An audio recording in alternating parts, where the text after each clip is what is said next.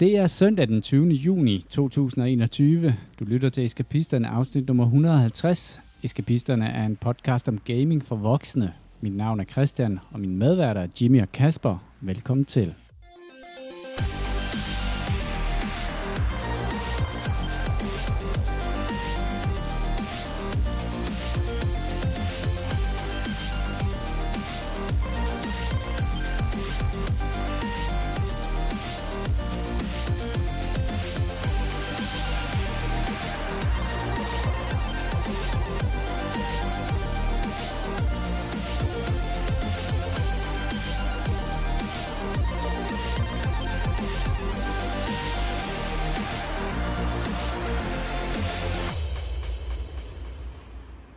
Halvanden hundrede. Halvanden hundrede. Jeg ville faktisk have åbnet op med at sige, kan I holde varmen? Så går vi i stedet for nu. Det havde været bare skide sjovt. Det, Det- det gør jeg ikke. Jeg vil ikke sige, det er varmens skyld, at vi er en halv uge forsinket med den her podcast, men det er en af de ting, som Primært varmen. det er arbejde, plus at de øh, 4-5 sommerdage, vi får om måneden i det her land her, de faldt lige præcis i den uge der. Men det er nok mest arbejdets skyld, at vi er forsinket. Det beklager vi. Men nu er vi her hos jer. Velkommen til, Jimmy. Og vi holder varmen. Velkommen til, Kasper. Mange tak. Hej, det er varmt. Kan I holde varmen? Det er absurd. Så havde I kæmpet om meget, at få lov til at sige, hvem øh, kan I holde varmen? Sådan pingpong, hvem starter den først? I går der var jeg øh, ude at handle ind, og der ville jeg, have, jeg vil gerne købe noget is. Det, jeg løb hele byen rundt, jeg kunne ikke få is, og så sagde, var jeg inde ved fiskemanden, og så sagde jeg, prøv at høre, jeg har løbet hele byen rundt. Du har vel ikke et eller andet is, jeg kan se, du har masser af is liggende oppe i vinduet med din fisk. Så sagde han, jo, det kan jeg godt klare. Så sagde jeg, godt, fordi jeg skal have noget til at putte i mit øh, glas. Så sagde han, så skal du ikke bruge det her is her. så sagde jeg, er du sikker? Så sagde jeg, ikke med mindre du vil have tyndskid. Og det ville jeg, ja, der, og jeg, stod, jeg overvejede det et sekund. Og så sagde han, du skal køre ned på McDonald's, der har de is. Uh, det er det bedste sted for is, og det er faktisk nogle rigtig gode isterninger, der laver dernede. Og så drønede jeg ned til McDonald's for at få fat i is dernede, og da jeg kom ned, så sagde han, vi har haft 11, der har hentet alt det is, vi har. Så vi har ikke noget is. Så der var ikke noget is. Men be, Hvad var der galt med vores egen fryser? Det tager for lang tid. Den var tom. Det er fordi, man skal bruge crushed ice, når man skal lave sådan Oh. nogle, Fancy nogle drinks. tall drinks. Du ved, så skal man jo virkelig bare sådan have den her store mængde is. Ja, det er der er ikke noget med sådan en lille fesen is-terning. Der skal man have glasset helt fyldt med is. Jeg synes, det er imponerende, at du i den varme farede byen rundt Jamen, det var efter fordi, is. ja. var der Hvis aircondition? tingene var- ikke for mig er umiddelbart tilgængeligt, så står, går jeg jo bare i stå, står og kigger ind i væggen. Jeg har en utrolig lille komforttemperatur.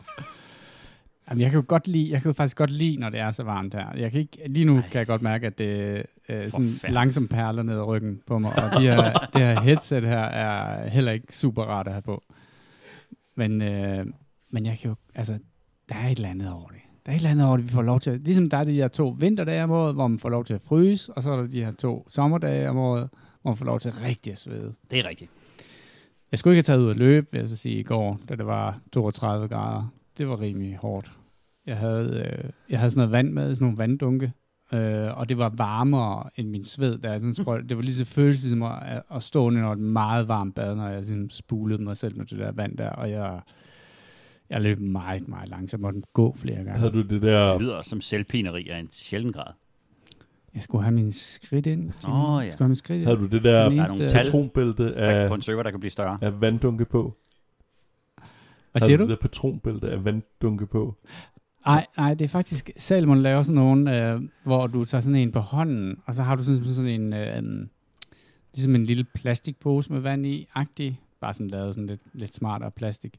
Øh, og så har du sådan en i hver hånd, som, som bare hænger fast i Den dine inde i håndfladen, Ja, inde i så du kan håndfladen. give sådan en virkelig sjov lussing. Ja, og så, vil jeg, kan- og så, så bliver de bare kogende. Men er, er det ikke fordi løb- hænderne er sådan en primært sådan radiator for kroppen, altså der, hvor den afleder en del af varmen, altså hænder og, Jo, og fødder? Så, jo, ja, jo. okay. Men det, på den måde er det sikkert også meget smart, fordi så får du jo lidt varme afledning ind i din vanddunk, ja. der, som du løber med. Så det, jeg ved I det ikke. dit varme læme. Jeg vil ikke anbefale, lad mig sige det sådan. Det var ikke rart. Det var overhovedet ikke rart. Har I andre varme historier, vi skal dele? Ja. Jeg, jeg, så, jeg så en veninde, som havde gjort det kloge, som jeg tror...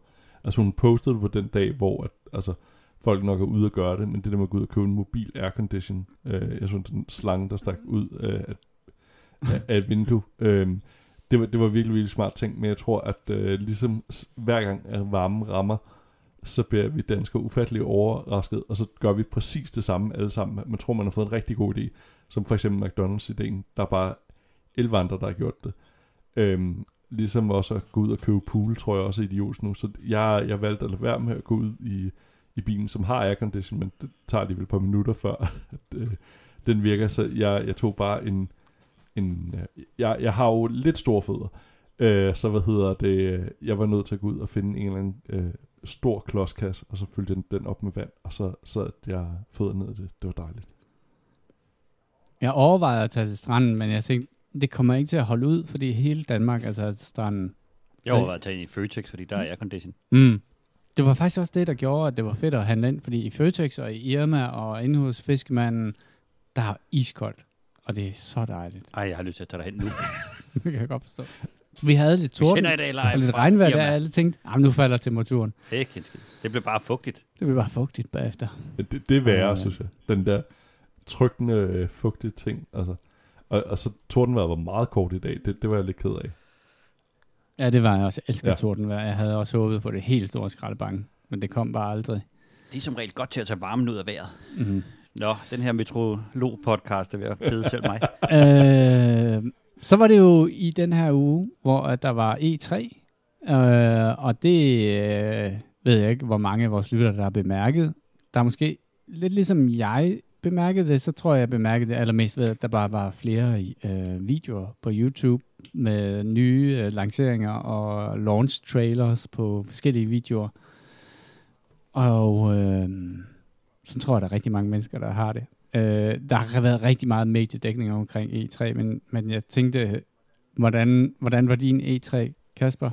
Den var Starfield, tror jeg, som det eneste. Og så tror jeg, du smed en op med et eller andet spil, øh, jeg lige nåede at se. Så den var meget... Altså, jeg tror heller ikke, der var det helt sådan store, jeg forventede. Jeg også begyndt at tænke over... Øh, jeg tror, det var i går, jeg så og tænkte, vi skal måske også begynde at snakke om, hvad er årets spil. Fordi jeg, lige nu har jeg ikke sådan nogen sådan vanvittigt store kandidater. Jeg kan ikke, heller ikke se, hvad der kommer. Så det er sådan... Ja, det... Øh, og jeg tror også, at i 3 var... Jeg ved ikke, hvornår Starfield kommer, som er Bethesdas, øh, hvad hedder det, sci-fi space opera ting. Øh, Det er faktisk en af de ting, jeg gerne vil snakke om, fordi det kan godt være, at der kommer E3 og EA store spilnyheder, men det, som de gav til Starfield, det var en release i november 2022. ja, det, Og så er det sådan lidt, er det så en nyhed nu, eller er det en, en nyhed om halvandet år? Ja, Også især- Og så viste de jo ikke noget, der var ikke noget gameplay. Nej, men til gengæld, I så skrev de, at, at i, også i forhold til det, Jimmy siger, så, så føles det sådan virkelig flat, når de siger 25 years in the making. Så føles det sådan lidt underligt. Nå, men så kommer det først næste år. Altså, så det har været 26 år in the making, eller hvad? Så ja. Men jeg er spændt.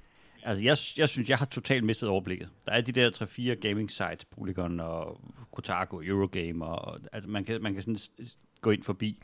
Men, men det virker til, at de heller ikke har sådan det helt store overblik heller. Det, nogle af dem har samlet en masse links sammen, og så kan man sådan sidde og klikke sig igennem. Men jeg har mest oplevet, at der, at der sådan faldt et eller andet af, og så tænkte jeg, hov, det lyder sørme spændende. Men jeg har ikke følt, at der var den der kontrollerede release, hvor man bare så dem efter, en efter en efter en efter en, og, og blev øh, revet rundt og, og fik alle mulige fantastiske nyheder. Og jeg har ikke set et eneste af dem, i hvert fald ikke noget, jeg gad spille, hvor der var nogen, der kom med noget stort og sagde, I kan spille det nu. Mm. Jeg, tror, jeg, jeg havde det lidt på samme måde. Jeg tror ikke, at der er nogen af de store releases, som der blev talt om på E3, som jeg ikke har hørt om før. I en eller anden, øh, en eller anden afskygning. Starfield var på sidste års E3. Elden Ring var på sidste års E3. Øh, opfølgeren til øh, Zelda øh, Breath of the Wild var, jeg tror, den er blevet, øh, blev annonceret for to år siden, eller noget af den stil. Vi har set noget mere. Ja, nu vel, ja, det har vi. Men der har ikke rigtig været på den her E3 et eller andet ny, nyt spil, hvor man bare tænkte, hold da kæft, det kommer jeg til at glæde mig til. Det har været en øh, videreformidling af nogle ting, som allerede er blevet annonceret. Men, men altså, hvis, hvis vi lige sådan skal tage Starfield, så er det jo Bethesda, som nu er ejet af øh, Microsoft, og det vil sige, at det bliver jo et eksklusivt øh, Game Pass øh, spil, og det bliver et spil, der kommer på ja, Xbox og på øh, PC, men ikke på øh, Sonys konsol. Og det, øh, det tror jeg, øh, at de, det, det, her, det er en del af, den strategi, som, som Microsoft har. Det er, de ved godt, at, at den, den helt store, åbenlyse grund til, at du skal skifte fra at være Sony-mand til at være Xbox-mand, den kommer først om to år. De har købt en masse studier nu, som sidder og arbejder på nogle spillere, men, men de kan ikke realisere det der før om, omkring to år. Og så er det jo Bethesda, og, øh, og det er jo øh, det, som man kan jo sidde og spekulere rigtig meget om, hvad fans Starfield er, fordi ja, den der trailer var jo meget sådan en god sådan moodsetter for, hvad, hvad, hvad det kommer til at være, men man så jo ikke noget gameplay overhovedet i, det, i den der trailer der, uanset hvor flot den er. Så efterlader det med lidt sådan, lidt sådan ja, novelle. Altså, der Skyrim to, i space. Ja, det, det er jo det. Og, og man kan sige, det som deres fordel er øh, i forhold til øh, Fallout og Skyrim, det er, at når du er i rummet, så kan du ikke se dig klippe igennem gulvet. og det, og det, øh, det Nej, men du kan se dig selv klippe igennem en planet og flyve igennem solen. Og... Ja, der kan, ja, og det er jo det. Altså, ja, uh, Todd Howard, som er ligesom uh, Bethesdas uh, talsmand, sagde jo, at de havde uh, double down på uh, engine technology og sådan noget. Og det gør han jo, fordi at de ved jo godt, at det, som de er kendt for, udover at, at lave nogle, nogle fede spil, det er jo det der tekniske jank, som altid vil være i de der spil der. Men meget klogere synes jeg faktisk ikke rigtigt, at jeg blev på, på hvad Starfield er. Jeg har det helt, helt klart på radaren, men, øh, men øh, heller ikke mere. Jeg altså, gider, jeg ikke, sige, jeg, jeg tror, gider ikke rigtig til at hisse mig op over blive det. stopfodret med det det næste halvandet år. Det tror jeg også. Det tror jeg også. Og det, kan, og det er det den der ting der, hvis man bliver ved med at følge sådan nogle ting og sidde og være med i hver eneste lille krusning på det, så kan du ikke undgå at blive skuffet, når det så egentlig kommer. Så, så jeg tænker egentlig, at jeg har valgt en strategi, som er, okay, lad os vente og se. Lad os vente og se. Om, et, om halvandet år kan jeg måske begynde at, at kigge lidt på, hvad, hvad det spil det er, og hvad det kan, om det er noget for mig. Så er der rigtig mange gamesites, der har øh, lavet alle mulige lister om, hvad, er, hvad var det vigtigste, vi så øh, på E3. Øh, en af dem, som topper rigtig meget, det er jo øh, From Softwares Elden Ring. Jeg ved ikke, om I har set den trailer. Åh oh, jo. Hvad synes I om traileren? Jeg synes, den ligner i, og det er jo nok ikke super overraskende, men jeg synes, den ligner virkelig, virkelig meget øh, Dark Souls. Ja. Helt ned til de der ansigter og bevægelsesmønstre og øh, boss fights med bosser, som er øh, kæmpe store. Og, altså, jeg glæder mig Mm. rigtig, rigtig meget. Jeg er jo meget, meget begejstret for de der spil, det skal ikke være nogen hemmelighed. Og det, øh, det i bund og grund, så glæder jeg mig. Der kommer til også til at være urimelige mængder af hype omkring det spil, indtil det kommer. Øhm, men jeg har fuldstændig mistet overblikket om, om det er et multiplayer MMO, eller om det er et singleplayer-spil, eller altså, jeg, Nu, jeg, ved, jeg ved heller ikke så meget om det. For mig lignede det netop også rigtig, rigtig meget Dark Soul. Og øh, det, der, hvor jeg ved, at det kommer til at adskille sig, det er to ting. Øh, den ene ting, det er, at det er open world. Og det kan man sige, det har de gamle Dark Souls-spil jo ikke været. Og så den anden ting, det er jo George R.R.R. Martin, som har været med til at skrive historien. Rygte vil sige, at han ikke ville være med til at skrive historien, men mindre han fik lov til at få tilføjet en easy mode. det er pjat. Øh, jeg ved ikke, hvad han kan tilføre sådan en øh, historie. Et eller andet kan han jo nok noget world building, vil jeg så. Øh, men der er mange, rigtig, rigtig mange, der synes, at øh, når, man, når man sidder sådan og kigger på mediedækningen af det, så er det et af de spil, der er dækket rigtig, rigtig meget. Øh, men hvis man går ind og kigger på YouTube, øh, på øh, videoen, øh, launch-videoen for øh, Elden Ring, så har den 2,1 eller andet millioner views, hvilket jo er imponerende. Men hvis man sammenligner med for eksempel Battlefield, Battlefield-traileren, så har den 17 millioner views. Og det er bare sådan de officielle outlets. Så jeg, jeg tror, det er sådan et... Jeg, altså, jeg, jeg tror, det er lidt et nichespil, og ikke noget ja, ondt om det er, jo det. et, det er jo et kunstværk, rigtig, Ja. rigtig ofte, de der spil. Ikke? Det, det er jo et, et spil, så bare det der From Software, det skiller jo vandene. Mm. Og der er allerede kommet den her beskrivelse af, at det bliver lettere end de andre Soulsborne-spil, men der kommer ikke en easy mode Mm. i det, så du kan kommer ikke til at kunne stille værdigræn, du skal spille det på den her måde, det er spillet. Men jeg tror også, at det er et brand, som giver enorme mængder af omtale, når de kommer med noget, fordi når de kommer med noget, så er det jo en, en kæmpe kraftpræstation. Men det er også noget, som på forhånd sorterer en masse mennesker fra. Fordi at det har jo den her, det her rygte for at være utilgivelige og svære og store monstre og alt muligt andet. Det er en helt bestemt niche af spil, øh, hvor at de andre store øh, multiplayer shooters for eksempel, det er der en masse mennesker, der kan kaste sig ombord i. Øh, men jeg tror også mediedækningswise, så er det jo et af de der spil, som folk elsker at skrive om. Mm. Ligesom Desk Standing og alle de der andre spil, som, som er sådan, det er noget helt særligt, og det er noget, man kan kaste sig ned i som, øh, som skribent, øh, hvor det er måske sværere, som, som hvis man er ved at skrive en, en, øh, en artikel om et eller andet, og komme øh, helt op og ringe over Battlefield 6. Mm. I noget mere i den samme. Så skal man, altså man skal sætte sig en helt del ind i, hvad er det, der adskiller det fra femeren, og så videre, så videre, så videre. Mm. Så var der jo Battlefield-traileren. Jo ja. Vi snakkede om den sidst. Vi så lidt mere gameplay. Jeg ved ikke, om I har set mere af, det. Oh, men, men, men, men. Ja. Det, som er ved den, er jo, at den kommer... Øhm, der kommer ikke nogen campaign i den. Øh, men det er stadigvæk et full price spil. New, new price, Kasper. Ja, fucking. Øh, lige noget for dig. Ja, øhm. en yndlingspris. Er det, er det vigtigt for jer, at øh, når man køber sådan et spil som, som Battlefield, at der er en campaign? Jeg har faktisk aldrig rigtig spillet campaignsene færdige i de der. Jeg har gerne vil spille kampagnen i både Modern Warfare og også i Battlefield. Men, men grund til, at jeg godt vil spille Battlefield, så er det fordi, jeg vil have nogle andre, øh, andre steder i verden til at sidde og bide keyboardet af frustration. Og, og jeg synes sjældent, kampagnerne har været særlig gode Mm. i forhold til, det er, jo, det er jo meget det der med, at man spiller på de samme baner, øh, og så, så kan man så se nu, der var, øh, hvad hedder det, det gamle Battlefield, det havde noget omkring et, øh, øh, en trup af sorte soldater og alle mulige forskellige ting, og så der kom, de prøvede at blække en masse historie ind omkring de der landskaber, de så havde valgt. Men det giver bare ikke... Øh, jeg synes ikke, det er godt nok til det. Altså, jeg synes ikke, jeg synes ikke historierne var... Kampagnen var ikke bygget godt nok til, at jeg var super spændt for at komme videre. Modern Warfare havde den, hvor at det var meget tydeligt, at man skulle spille de forskellige baner i deres kampagne igennem med forskellige våben. Så kom du frem til en sniperbane, så var du en CKB-bane, så var du... Altså alle de her ting. Så det, det var sådan en, det var sådan en vis hele paletten Mm. Så der, der strøg lidt af det der open world ud af det. Og det, som der jo er sjovt, det er jo at, stjæle en kampvogn og køre den gennem en, en lejr og springe ud af den og skyde en jeep op i luften og ramme en flyver og, og alle de der ting. Og det er jo ikke med i, i, i campaign-delen. Der er jo tit meget begrænset.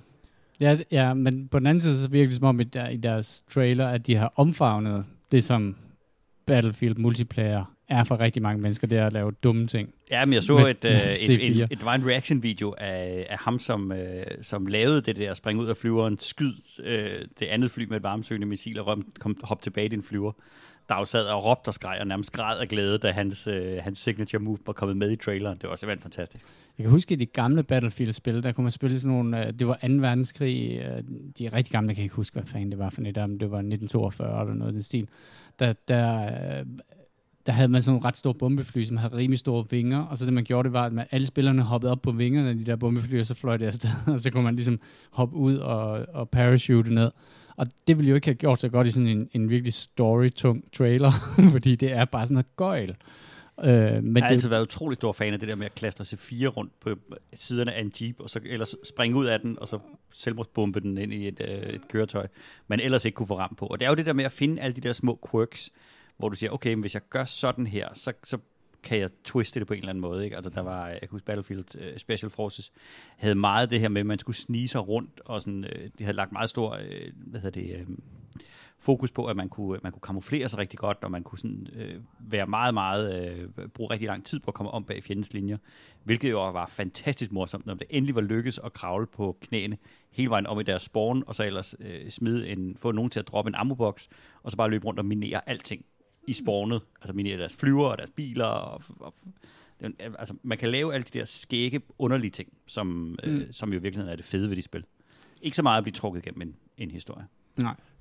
Jeg tror, det er rigtigt nok set for dem. Øh, jeg, ved ikke, jeg ved ikke personligt, har det heller ikke sådan, at jeg skal have en kampagne, for det er, jeg, jeg plejer at gennemføre kampagnen, men og, og hvis det var en god shooter, man Det er jo tit, fordi der er skins eller et eller andet, Ja, hvis så, man gennemfører ja så er der et eller andet weapon skin, som man kan få i, bruge i multiplayer, men de har jo altid været minded mod multiplayer. Der er nogen, der sådan er, er skuffet over det. Øh, jeg, jeg, er ikke, jeg er ikke så skuffet over det, men jeg er måske, måske vil jeg sige sådan, det er jo et spil, altså, er det, er det et spil, hvor man kan sige, det er jo de kommer til at putte DLC, og de kommer til at putte uh, Season Pass ind, de kommer til at putte uh, microtransactions og alt muligt andet. At det er et spil, man skal... Jeg, jeg var lige og kigge på det. det. Jeg tror, de vil have øh, omkring 600 kroner for det, hvis du preorder det nu. Der er 10 procent, så skynd jer, unger. Uh, det, det, jeg har det sådan, jeg har det altså lidt svært ved den der new price der. Uh, det er jo sådan, øhm, um, EA Access og sådan noget, er jo også på Game Pass der går rygter om, at uh, Microsoft arbejder på uh, at få en eller anden aftale i stand, så man kan få det på, igennem Game Pass. Uh, jeg kunne godt nøjes med mindre. Jeg kunne godt nøjes med bare, at det ikke kostede 70 dollar. Uh, eller 600 kroner. Jeg vil sige, jeg kan også blive sådan rimelig oprørt over den der, den der høje øh, pris for at spille. Lige indtil spillet er foran mig, så er jeg fuldstændig ligeglad. Ja.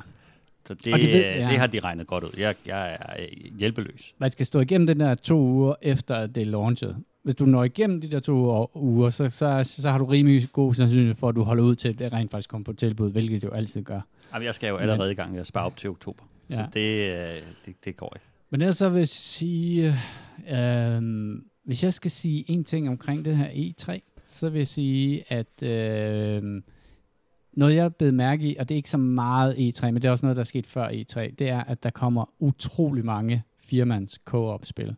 Uh, der er det her nye Aliens co-op-spil, der er Dark Tide, så er der uh, Arcane Studios, som uh, lancerede et spil, der hedder Redfall, som er sådan et uh, firmand mod zombier, eller undskyld, mod vampyrer, fordi zombier er ydt. Og så er der Back for Blood. så der er rigtig, rigtig meget uh, på hylderne, uh, som kommer inden for de næste halvandet år, som handler om at være fire mand, der spiller i sådan en ATB-session. Øh, og jeg sad og tænkte, damn, jeg vil ønske, at der var lidt færre, fordi at jeg får svært ved at overbevise alle om, at det er lige præcis det, vi skal prøve. Jeg ved godt, at vi kommer nok til at købe dem alle sammen, Jimmy. Ja, ja. Men, men hvad er det for et af dem, som vi kommer til at spille. Hvad er det, folk skal købe med ja. ind på, sådan så at de når at spille det, uden at vi er gået videre øh, længe inden da? Ja, og det, det, er, svært. Jo, det er jo en af de ting, som nogle af vores venner synes er lidt svært, når at øh, vi bare har spillet. Det får vi meget skal ud for, faktisk. Ja, så får vi ret folks penge. Ja, fordi så er vi rykket videre, når de endelig har taget sig sammen til at købe det, fordi de er lidt langsomme om at trykke på aftrækkeren. Snooze, you lose. Har du set på nogle af dem? Kasper, har du set? Hvad? Jamen, altså, lige, lige omkring det der med Battlefield og Call of Duty, så tror jeg også, at det er på singleplayer-fronten to vidt forskellige spil. Altså, hvor mange episoder kan I nævne fra Battlefield singleplayer-delen kontra uh, Call of Duty-delen? Uh, jeg kan huske, hvad hedder det, blandet er der den der, hvad hedder det, terroristagtig mission, der hvor du kommer op gennem den der elevator og pløjer dem der ned, der står i, øh, hvad hedder det, kø til... No, ja, ja. no Russians. Øh, ja, præcis. Ja. Og så er der den der, hvor du flyver ja. i det der gunship, der hvor du, øh, som var sådan bizart meget mindet om de der gunship fra, hvad hedder det, um, video du så fra Afghanistan og Irak, der hvor man ser de der dronepiloter ja. smadre øh, mennesker. Øh, så er der de der, alle de der ikoniske I'm Going Dark og så videre, et eller andet øh, sekvenser jeg kan ikke huske noget som helst for Battlefield, og Battlefield synes jeg også er et andet multiplayer-spil. Det er netop de der, det virker som, det først nu er gået op for dem, hvad Battlefield til er, altså man kan sige, marketing-wise. Det er de der ekstreme situationer, det der med, at man netop hopper ud af det der fly og skyder med armsøgende og hopper tilbage i eget fly. Hvorimod at øh, multiplayer-delen i øh, Call of Duty er et meget klassisk multiplayer-spil. For mig er det som at spille de gamle Quake-spil, eller sådan Der er så meget fart i dem, og det er det, der er det vigtige. Man kommer aldrig ud i de der sådan bizarre situationer, som der kommer, når der bliver introduceret vehicles og sådan noget. Så det, jeg synes, det er sådan to vidt forskellige, øh, hvad hedder det, spil, og det virker som, at Battlefield endelig har fundet ud af, hvad der reelt set er deres spil, og at singleplayer-delen indtager bare var en lidt ligegyldig tilføjelse, øh, synes jeg i hvert fald. Hvorimod at øh, singleplayer-delen i Call of Duty, synes jeg, at det er en meget medrivende historie, men også noget, hvor der har været sekvenser, som gør, at jeg stadig godt kan huske nogle af, af tingene. Det, altså det, det, det virker som, at, at det er, hvad hedder det, at det er ligesom to spil i et, hvorimod Battlefield måske bare er mere, og som forventeligt, et, et enkelt spil i, i spillet, ikke også? Øhm, men de har været gode til at smide nogle kontroverser ind i uh, Modern Warfare. Ja, ja, netop. Altså, der er virkelig mange af de der ting, man husker. Altså, øh, og det er jo også, hvad hedder det, jamen Call of Duty-historierne husker, og så nogle af de ting, der er i Far Cry-historien husker. Fordi det, det er noget, hvor de også tør gøre noget og fortælle noget i historien. Altså noget, der er kontroversielt. Øhm, så det, for, for mig betyder det overhovedet ikke noget, at øh, Battlefield har, har skåret deres øh, singleplayer-del fra. Jeg tror, jeg, jeg troede faktisk, det var sket for et par spil siden. Så meget fylder singleplayer-delen for mig i, i, i Battlefield-spillene. Øhm, nej, men der var af, af, af sådan en trailer, jeg synes, jeg har, når jeg, der var en af mine venner, der sendte øh, Halo et eller andet, det der blev udskudt. Infinite. Og jeg, jeg, altså for det første har Master Chief aldrig været sådan noget, jeg synes har været spændende, og jeg altid undrer mig over, hvorfor at øhm, Halo-spillene var så populære, fordi jeg synes, jamen, der var jo langt bedre sky, skydespil på øh, PC'en. Så jeg var sådan, Nå, nu har de endelig fået grafikken op, så det ligner et eller andet nyt spil. Øhm, og så var der den der Redfall, som du snakker med den der, ja, var det vampyr nu? Vam- Jeg troede faktisk Ja. først, det var zombier lige jeg startede med den, fordi det så sådan lidt, øh, lidt drejet hoved og skævt hoved, men jeg, jeg synes, der var sådan, jeg ved ikke, om det bare var mig, der var sådan en underlig mismatch mellem, hvad det var historien, altså som var sådan ret brutal, og så var det meget sådan cutie øh, grafik, altså sådan meget store, runde øjne. Jeg, jeg, der var så lidt, jeg, jeg ved ikke rigtig, hvad jeg skulle føle om. Jeg synes, det var, jeg følte lidt malplaceret på en eller anden måde. Det kan godt være, det er godt, men jeg, jeg synes, det var lidt, øh, det var lidt sjovt. Øh, altså den der øh, disharmoni mellem øh, altså no- noget af det, der skete, og så hvordan karaktererne så ud. Det, det være, det bare var mig. Det var sådan lidt Overwatch. Ja, ja, præcis. Det, det var den, Ja. jeg manglede, ja. Øh, Øh, jeg, jeg vil sige sådan, man ser jo ikke man kan jo ikke se noget gameplay. Det, det er trods alt, øh, det som jeg, der slog mig, det er, hvem er udvikleren, der laver det her spil. Og det er Arcane Studios, øh, som jo har lavet de her, hvad fanden er de hedder? Det kan jeg ikke huske. Øh, også gennem Bethesda. Øh, det bliver for øvrigt også et øh, Game Pass-spil. Så der er ikke noget gameplay i det. Øh, men vampyrer er det nye hotness. Øh, vil jeg godt våge pelsen at sige. Ja, det tror jeg, det er. Nå. Det, det, nu er de tilbage igen. Ja, zombier er ydt. øh, det er vampyrer. I hørte det her det først. os om.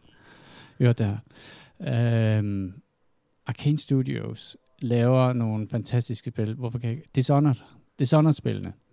Øh, og med den, ligesom den uh, pedigree, uh, så vil jeg godt tilgive dem meget, og er ret interesseret i, hvad de kan. Og så har det også et, et firmands co-op-spil, og det, jeg sådan, lige sådan har kunne skimme mig til, det er, at i modsætning til Vermintide og mange af de andre sådan rigtig gode, gedine øh, øh, co-op-spil, som jo er i den her Left 4 Dead øh, kategori af spil, så er det mere et open world spil, altså sådan at man at der er mere valgmulighed, øh, og man bevæger sig i øh, i den her by her, øh, som er sådan en amerikansk øh, by, der hedder Redfall, øh, hvor der er den her vampyrinfektion her. Øh, de to ting, Open World og Arcane Studios, gør, at det synes jeg, det, det, det har i hvert fald et sted, øh, hvor jeg kommer til at, at holde Og lidt øje med det. Ja, og Game Pass, ja. Back for Så- Blood kommer også på Game Pass. Back for Blood kommer på Game Pass. Der ja. er ikke andet end grund til at køre øh, Game Pass. tiden. Nej. Og det var også en, jeg tror, det, jeg tror Microsoft, de havde 30 spil, og de 27 af dem er uh, first day release på Game Pass. Vi snakker også om uh, rimelig store titler som uh, Forza Horizon, som jo, uh, som jeg så, uh, nu jeg er ikke sådan sindssygt meget til bilspil, må jeg indrømme, men det så sindssygt flot ud. Altså, 9. november. helt vildt flot så det ud.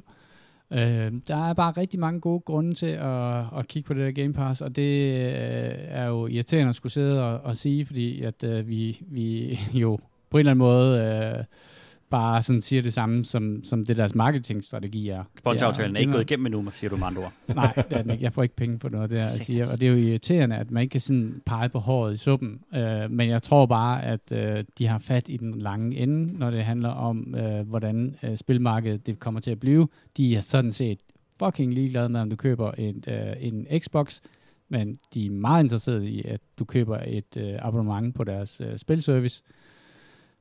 Og det tror jeg kommer til at tjene dem rigtig godt. Øh, jeg tror, man, det er meget nemt at sammenligne det med øh, Netflix. Øh, og, øh, og hvis man skal kigge på, hvordan Netflix fungerer i dag, så tror jeg også, at Netflix havde en periode, hvor de dominerede alting.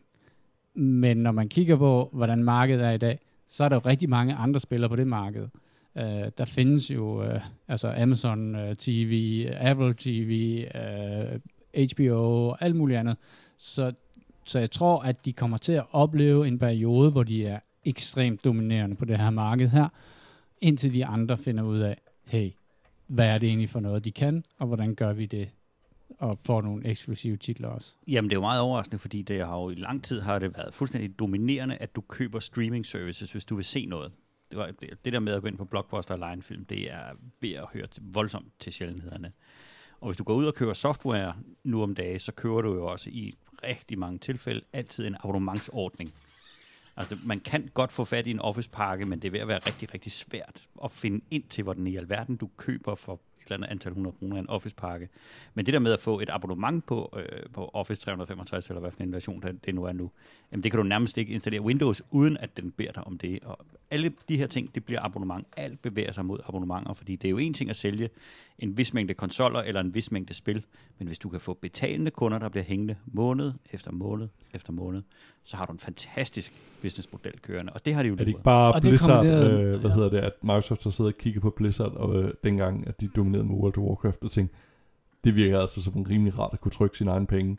Og, og det der jo indtil også er fedt med, hvad hedder det, Game Passet, det er, at det er en tilpas stor spiller, altså som har så mange muskler bag sig, der går ind og laver den der streaming service. Altså det er jo det, der virkelig gør det, altså gør det interessant. Det er ikke en eller anden lille, øh, hvad hedder det, udgiver, øh, der begynder at køre noget streaming service. Altså man får virkelig bang for the buck øh, med, med den her streaming service, øh, som de har. Altså man kan jo så godt frygte, hvis man begynder at kigge nemlig ind i sådan, altså hvordan det er gået med tv og så videre, at vi så ender ud igen med en totalt fragmenteret ting med, at der er så syv udbydere, hvor man næsten skal have skal streame, og så begynder ens, hvad hedder det, medieregning at være sådan relativt stor igen. Altså så, så begynder det at være tilbage til kabel-tv i dagen, ikke også? Mm. Vi er jo allerede der, hvor at man skal betale abonnement for at spille Playstation, et for at spille Xbox og et for at spille Switch. Hvis du have adgang til de her online features, som de har som saves og øh, på, øh, hvad er det, cloud saves på Switchen for eksempel. Hvis du vil spille rigtig, rigtig mange af spillene på en, på en Playstation, jamen, så skal du have et Playstation abonnement. Og, mm. og Game Pass, det skal man have, for det er bare den bedste, det er den bedste handel, der findes lige nu. Altså jeg tror ikke, du kan, hvis du vil spille din tid, så kan du ikke investere pengene bedre øh, i at, at, at få underholdning. Øh, så, så vi bevæger os jo imod, at man, at man begynder at lægge mange penge i abonnementer, udover det, du lægger i dine streaming-abonnementer, for dem mm. har du ikke ud også et par stykker af ved siden af. Ikke? Og så er der jo netop det med streaming, for det, det er jo nok den hellige gral lige nu, at det der med, kan man frigøre brugerne for den teknologi, som de bliver nødt til at have købt og stående i, i deres hjem. Øh, altså, Google har jo været hurtigt ude, måske lige en postomgang for tidligt, tror jeg. Men det er der, hvor de ser øh, den helt store forøgelse af deres marked. Det der med, at du øh, kan appellere til nogle folk, som kun har en mobiltelefon, men du kan stadigvæk streame det nye Halo-spil øh, eller du kan øh, spille på en browser på din iPad og bla bla bla. Øh, og det tror jeg, at øh, det tror jeg, det er der, hvor, at, at, øh, hvor de sigter imod lige i øjeblikket. Så det der med at have den der gode øh, service der, Sony skal jo nok komme op af stolen på et tidspunkt, og så er det, man begynder at opleve den der fragmentering af, fordi så begynder de at købe nogle studier og få nogle spil, som du bare må have, ikke? Øhm, og så kommer Day One på deres service, og så skal du lige have Sonys øh, abonnementordning med, og Nintendo og sådan nogle ting. Øh, men lige nu er det bare sådan, det er sådan lidt, øh, det er meget svært at, at se, hvordan de eksisterende øh, pakke øh, services kan konkurrere med, med Game Pass. Og det tror jeg var deres helt store budskab på den her E3 her. Det var, prøv lige at se på os, prøv lige at se alt det, du får. Øh, og så Jamen, jeg tænker, der. hvis, øh, hvis så nogen som Steam lige begynder at lægge lidt, øh, lidt muskler ind i det der, så kan det også blive en stor spiller overfor. Ikke? Jo, jo, jo, helt sikkert. Øh, ja, og, og, og, og Stream eksisterer jo så- som sådan en ø, hvor, øh, hvor man kan sige, at stormværet har bevæget sig uden omkring dem, fordi at de stadigvæk er så store på markedet. Epic Games forsøger jo at æde sig ind på deres marked, men, men, men der er ikke nogen tvivl om, øh, at øh, på PC, der er Steam bare ekstremt stærke. Øhm, og hvor langt vi, skal de vente, før de også siger, at vi bliver også nødt til at lave en eller anden øh, service og sådan noget. Og det kræver så, at de begynder at lave nogle aftaler med nogle udgivere og, og nogle udviklere. Og de der udviklere, de er jo i gang med at blive opkøbt i, i meget, meget hurtig øh, tempo af hvad det hedder, Sony og, og Microsoft. Skal vi snakke lidt om, hvad vi har spillet, eller har vi... Øh, Jeg har en vi. Altså, jeg, vil lige, jeg, skal lige huske, at, jeg skal lige nå at sige, at øh, det her E3, det har, øh, det har fået mig til at lige sidde og overveje, om jeg skal holde fri i oktober eller november. Mm-hmm. Fordi at i oktober, der kommer alle de gode spil. Men så skal de patches. Så Mm. det kan godt være, at det er november, man skal holde fri. Fordi at de er underligt nok, så på den her liste, der, der blev kastet op fra, fra Eurogamer, så startede det med at sige, at uh, Super Monkey Ball, Monkey Ball Banana Mania kommer i, uh, i oktober. Yes. Det, det ved jeg ikke hvad er, men lidt længere ned på listen, der står så Far Cry 6, det nye Metroid til Switch, der kan stå Back for Blood, uh, Battlefield 2042, Age of Empires 4 og Ghostwire Tokyo. Alle sammen spil, som jeg har glædet mig virkelig meget til. Altså helt hvert eneste af de spil glæder jeg mig rigtig, rigtig meget til. Så det bliver en, det bliver en fremragende efterår, ingen tvivl om det. Og som en lille kuriositet, så kommer Grand Theft Auto jo også igen. Igen? på, øh, på, I november 2021 bliver det simpelthen øh, launcher øh, Grand Theft Auto i, øh, på PS5 og Xbox. Øh, helt crazy så meget liv der er i det Hvor, hvor mange Altså konsolgenerationer kan man så have fået til? Er det- Er det tre nu? Ja, i Jamen, jeg tror faktisk, jeg har det til to af dem. Jeg skulle ud og have det til tredje, selvfølgelig. Ja, ja. Køb det, køb det en gang til. Det, det, Og Dying Light 2 har fået en release, der hedder 7. december. Ja, altså det vil jeg jo tro på, når jeg ser det. Ja, det er den ene ting. Den anden ting er også, der kommer de altså ind i stærk konkurrence. Mm. Men Dying Light er en stærk titel. Jeg, det sidste Dying Light var sindssygt godt. For både, altså, fordi det havde også den der open world co-op ting der. Og jeg Og tror, en god at historie. En skidegod historie, og det, det var bare et fucking fedt spil. Altså, den der måde, man, man kunne bevæge sig rundt på og sådan noget. Så ja, ja det, det, det, det, det kommer jeg helt klart til at skulle have. Jeg, Skal vi snakke lidt om, hvad vi jamen, jeg havde en nyhed. Kasper? Jeg, jeg havde segwayet. Ja, Ej, Nå, du har en nyhed. Ja, vi skal, vi skal have en nyhed, ja. Ja, men uh, Det er noget med Cyberpunk.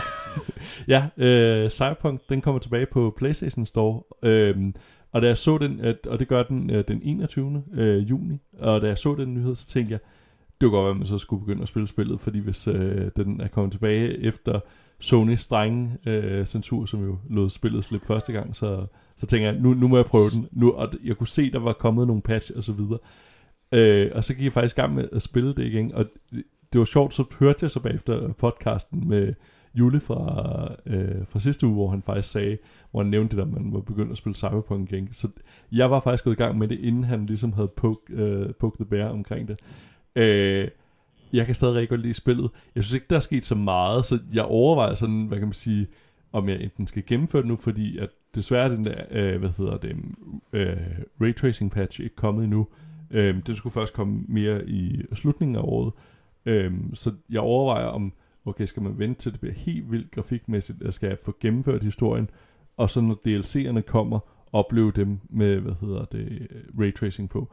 Så det er lidt det valg, jeg står imellem nu. Øh, jeg synes stadig, det er vanvittigt godt spil, men det er også fordi, jeg synes, det, det er proppet med så mange små historier og en, et stort univers at bevæge sig rundt i, og så er det jo en af de spil, jeg spillede rigtig meget som, hvad hedder det, øh, rollespil, øh, altså som pen and paper, ikke? Så det, Har du gennemført det, nej, jeg Kasper? har ikke gennemført det nu. Det, det er lidt det, Nej, jeg du- står med, om, om jeg skal gennemføre det nu, eller hvad hedder mm. det, jeg skal, øh, hvad hedder det, vente til, hvad hedder det, RTX, eller Ray Tracing patchen kommer, og så gennemføre det der, og så spille de der DLC'er, der nu gratis kommer til det. det øh, men jeg overvejer faktisk at gennemføre det nu, og så spille, øh, hvad hedder det, og så vente øh, til DLC'erne kommer, hvor der så forhåbentlig også er kommet Ray Tracing. Men det føles jo også lidt bizart at snakke om, en af de altså, store ting, jeg så frem til, det var jo det der uh, ray tracing ting, uh, og vi, altså, vi er over et halvt år inden efter spillet udkommet, og det, de har ikke lige trykket, øh, hvad hedder det, RTX uh, øh, Alima True på endnu. Men det kan jo være, at det kodekommit kommer på et tidspunkt. De har haft lidt Ja. travlt. De har haft lidt at se til, Ja, Kasper. præcis. Det, jeg, tror, øh, jeg tror ikke, man skal lægge så meget i, at de kommer på PlayStation Store. Jeg tror primært, det betyder, at de har stabiliseret PlayStation 4-udgaven af spillet, Nå, okay. som var den, hvor, hvor de største problemer ved, var ved det. Og mit øh, sådan... Øh, min antagelse er, at øh, det er, nu har de fået det til at køre stabilt, og det har nok kostet en del på den grafiske øh, side af, af, hvordan det spil ser ud. Men jeg ved det ikke, jeg har ikke, øh, altså, man skal jo virkelig øh, læse dybt ned i de her patch notes hver eneste gang, at øh, CD Projekt Red laver en patch, fordi så laver, kommer der lige fem sider patch note om, ja, jeg, ja, jeg, jeg ved det sgu ikke, jeg ved det sgu ikke, altså jeg, jeg vil nok vente til, hvis, hvis real-time ray tracing er noget af det, som du har, du har gået og tænkt på, hvordan, delen, hvordan det ser det fedt ud, så tror jeg, du skal vente til, til det kommer, så der kommer noget real-time ray tracing på det spil. Men øh, tillykke til CG Project Red om, at de er nu tilbage. det er, ja. Der, øh, var der nogen, der så øh, traileren til Stalker? Det, kan I huske det der spil, der Ja, Stalker? som det var godt, skal- ja, hvor man skal ind i Chernobyl og finde sådan nogle anomalies og sådan noget. De kommer med en ny, et, et nyt spil. Jeg har ikke selv set traileren, men jeg læste bare, der var en journalist, der havde skrevet, at de regnede med, at det her nye Stalker-spil øh, vil få den samme betydning for der, den russiske udgiver, som, øh, som The Witcher 3 øh, fik for, for øh, CD Projekt Red. Altså virkelig bringe dem frem. Det har været meget sådan en niche-ting. Øh, Måske meget, lidt hardcore, tror jeg. Øh, de gamle Stalker-spil var ret hardcore. Øh, man har altid sådan set ret flot ud, og øh, jeg kan huske, at der var det der øh, Metro et eller andet, det er sådan en 2033 Metro-spil, hvor, Redux, eller ja, hvor der var, der var nemlig, de, de var en af de første, som implementerede real-time ray tracing i, i deres spil. Så jeg, jeg, jeg ved det ikke, øhm, det kan godt være, det er dem, der, altså, altså det er bare lidt sjovt inden at- at gå ud og sige, at det bliver et Witcher 3-agtigt spil. Altså, hvor Ej, jeg det, tænker, det, at... det er en hård, ja, Ah, den er gratis, ja. ikke? den er, lidt, den er selvfølgelig den gratis. Ja, det er en journalist, der har skrevet Danmark vinder jo øvrigt også Øhm, øh, mod Rusland. Larme til Ja, ja, det, det, det er fedt at sidde og 4-0. se og høre kommentatoren sidde og snakke om, at øh, jamen, øh, det er jo spændende, om det bliver Wales eller, hvad hedder det, øh, Schweiz, at Danmark skal møde. Altså, det er jo, det, det er jo toeren for den gruppe, øh, Danmark skal møde. Skal- Danmark lige øh, Fordi vinde? det ja, ja, præcis. Skal Danmark lige prøve at, at vinde en kamp til det her EM? Så. Altså i, i andre lande, hvis ens øh, land har tabt to kampe, så, så tror de i gang med at finde ud af, hvordan de får fyret landstræneren. men, men, men i Danmark, der, Altså, der var Det, sådan, det var jo sjovt sådan at helt- sidde og se Tyrkiets kamp nu, fordi altså, Ty- Tyrkiet, de har, hvad hedder det, tabt to øh, kampe i træk. Øh, det ved jeg ikke, om man kan huske et andet land, der også har gjort det. Øh, Danmark. Øh, men der sidder de jo og snakker om, altså, det er, jo, det er jo helt til grin, hvordan man nærmest er til EM og kan, kan præstere det. Øh, og så nærmest i samme sætning. Ja, men så er det jo så spændende at se, om øh, det er denne her toer, Danmark skal møde, eller den anden toer. Altså, det er så fuldstændig... Og det, der er altså noget dejligt optimisme over Danmark, der, øh, danske journalister der. Det, det må man give. Jamen, det er bare som om, vi har bare vundet sådan en moral sejr, fordi vi spillede faktisk sådan rimelig godt mod Belgien, men, men øh, vi tabte jo, men, men hold da kæft, hvor er vi stolte af, hvor godt vi spillede mod Jamen Belgien. det sjove var, at der var flere af de der små nationer, som jo... Øh, altså, Ungarn spillede 1-1 mod øh, Frankrig, øh, verdensme- Ja, det var verdensmester. Men Danmark alligevel... Øh, og så var der, hvem var der, ellers så var der Skotland mod øh, England, som også spillede 0-0, altså en, en uafgjort kamp. Der kunne man måske også kigge på et andet land, som også kunne have spillet uafgjort, men så tabte. Men dejlig optimisme. Jeg kan lide det. Lige det. Det bliver godt. Hvornår skal vi spille? Er det på mandag? I, ja, i morgen. Oh, Ja. spændende. Spil, vi har spillet, og ikke bare spil, vi drømmer om, Inden Hvordan? for det næste halvandet år. hvordan de bliver inden for de næste to år. Øh, jeg har spillet Resident Evil Village. Øh, og du blevet færdig med det? Ja, jeg blev færdig med det. Jeg er Det- målløs. Det tog mig 11 timer. Øh, okay. Koncentreret spil, og jeg spillede det benhårdt på easy mode. og øh, det vil jeg faktisk anbefale, hvis man... Øh, nej, det ved jeg ikke, om, man, om jeg vil. Øh, jeg, jeg tog et ret bevidst valg, fordi jeg sad fast i Resident Evil 7, som er et fremragende spil, men for det var bare nogle gange, hvor jeg døde lidt for mange gange til, at, og så kunne jeg mærke, at jeg det, der driver mig i de her Resident Evil-spil, det er, um, det er nok rigtig meget historien, og den der storytelling, der ligger i det. Og øh, det vil jeg skulle... Jeg, jeg, vil, jeg, jeg tog en beslutning om, at det sagde jeg til mig selv, det gør ikke så meget det der med, at du skal være pisse sej til at, hvad det, at, at lave de her ting, fordi combat i Resident Evil-spil plejer at være sådan lidt øh, anderledes, end hvordan de er i, i en first-person shooter, og, og nogle gange er de forskellige fra boss til boss, og der er sådan et eller andet, man skal gennemskue, et eller andet, man skal, som er anderledes. Men jeg vil sige omkring det her Resident Evil, det er, at det er meget mere en shooter, end, end jeg har prøvet at spille Resident Evil før. For det første løber du sjældent tør for ammunition, hvilket er sådan en typisk ting, man gør i Resident Evil. Uh, men det gør du ikke her, og så er det langt mere af det, af combat. Øh, jeg vil ikke sige, at det, det er det, der er det stærkeste ved det. Jeg synes, det er, jeg synes faktisk, det er, var et rigtig, rigtig fedt spil. Øh, øh, det er et spil, som jo er, øh, kører rigtig godt på de nye konsoller, og det er jo fordi, at det har jo alle, alle de her nye øh, grafiske forbedringer og re- real-time ray tracing og sådan nogle ting. Så det ser sindssygt flot ud. Øh, men så ellers så er det jo sådan, det der er, det der jeg godt kan lide ved det, som jeg også kan lide ved de andre Resident Evil-spil, det er, at omgivelserne er en lige så stor hovedperson som de andre hovedpersoner, der er i spillene. Og det er jo den her landsby, som ligesom danner den her hop her. De fleste har set øh, ting, videoer fra, fra det her slot, hvor hende der Lady Demetreux, øh, som er hende, hende der den meget, meget høje vampyr øh, kvinde, som har tre døtre. Øh, Øh, og det er bare sådan, det er en fjerdedel af spillet, der udspiller sig inde på det slot. Øh, og øh, så øh, vil jeg sige, det som, er, som slog mig ved det, det er, at der er fire kapitler. Jeg skal nok lade med at spoile noget, men der er sådan fire kapitler, og hver kapitel er meget anderledes i forhold til, hvordan du spiller det. Øh, der er et af kapitlerne, hvor du stort set ikke bruger våben, hvor det er ren, er ren puzzle. Og så er der et, øh, et øh, hvor at, øh, det handler rigtig meget om at hvad det, bevæge sig på baner, og være hurtig, og, hvad det, øh, og lave sådan noget, hvad skal man sige, platforming, hvis man kan sige det på den måde. Og så er der et, hvor at det er meget sådan, nærmest sådan Doom-agtig shooting. Øh, så det har sådan ligesom nogle øh, forskellige gear, øh, som det bevæger sig rundt i, som jeg, øh, så jeg synes egentlig var ret sjovt, at de ligesom øh, har sagt, okay, den her bane her, det er tænkebanen, det her, hvor du skal regne rigtig mange puzzles ud. Her der skal du bare rende rundt og skyde alt. Øh, der er ret mange forskellige våben. Jeg er overrasket over, hvor mange våben der egentlig er i det spil. Og så er det jo et spil, som binder historien fra syveren, og, øh, hvor man er, ens kæreste blev fanget i Louisianas sumpe hos sådan en familie af sådan nogle degenererede øh, øh, svampeinficerede mennesker. Øh, Øh, så tager de fat i den historie og øh, har nogle rimelig fede sådan, callbacks til det, og er med til at forklare, hvad det, hvad det egentlig var, der skete i det der hus der. Fordi det fremgår vist ikke i øh, syveren egentlig, hvad det var, der var grunden til, at den her familie var blevet, som den blev. Og, og, og hvordan det passer ind i et større hvad det hedder, sammensværgelse om, at nogen, nogen vil noget med nogle biovåben og alt muligt andet.